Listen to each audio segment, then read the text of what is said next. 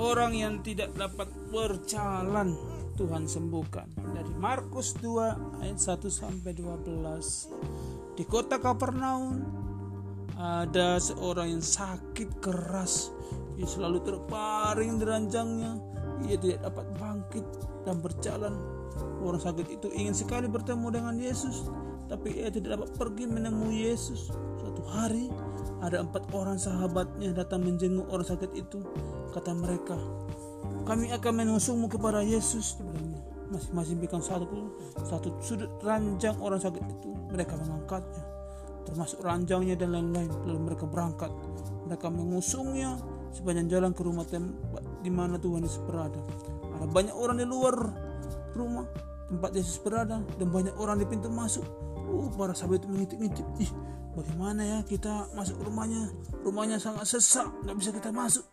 Kita tidak bisa masuk ini. Apa yang harus kita lakukan? Akhirnya mereka tidak mau membawa orang sakit itu pulang. Mereka berpikir keras. Uh akhirnya mereka berkata oh ayo kita naik ke atap atapnya mereka yuk atap, atap rumah itu. Kita dapat menurunkan orang sakit itu melalui atap.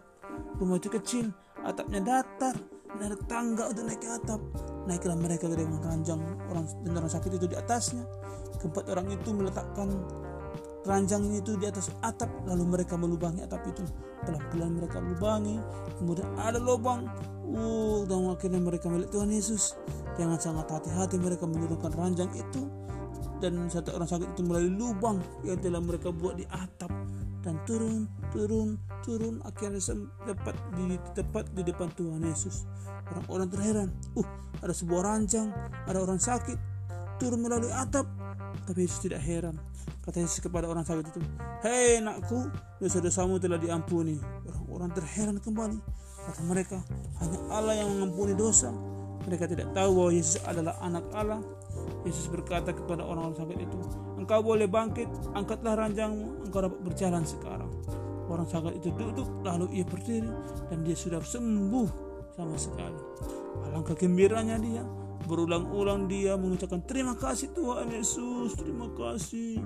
Lalu ia menggulung tempat tidurnya dan menggepitnya. Ia pergi, wajahnya senyum karena dia sudah senang, karena dia sudah sembuh. Orang-orang itu di rumah itu memuji Allah. Kata mereka, kita belum pernah melihat hal ajaib seperti ini. Amin. Tuhan Yesus memberkati.